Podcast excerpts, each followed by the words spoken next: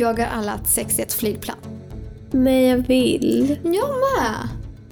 Åh, varför har vi inte det för? Det är Det- svårt. Alltså det är, lo- logistiken är ju knepig alltså. Ja, men det är den. Och så här, jag har hört om folk som har det både på toaletten eller i sina stolar där de sitter. Jag tänker så att det kan inte vara i fullt plan om de har det i stolen liksom. Nej, och det tänker jag också så här, det hade inte jag velat. Nej, jag vill inte ha det på folk. Okej, ha- det här går vi in på någon annan.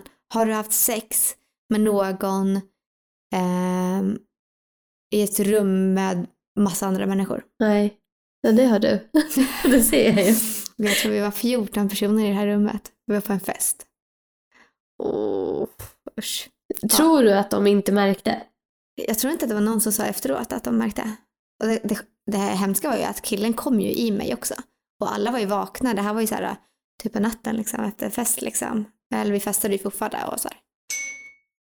Ehm, men uh, hemskt efteråt liksom. Men ehm, ja. Jag tror inte, jag hoppas ingen märkte. För jag tänker att så här, det där är en sån där sak som man, om man märker det så säger man det ju inte.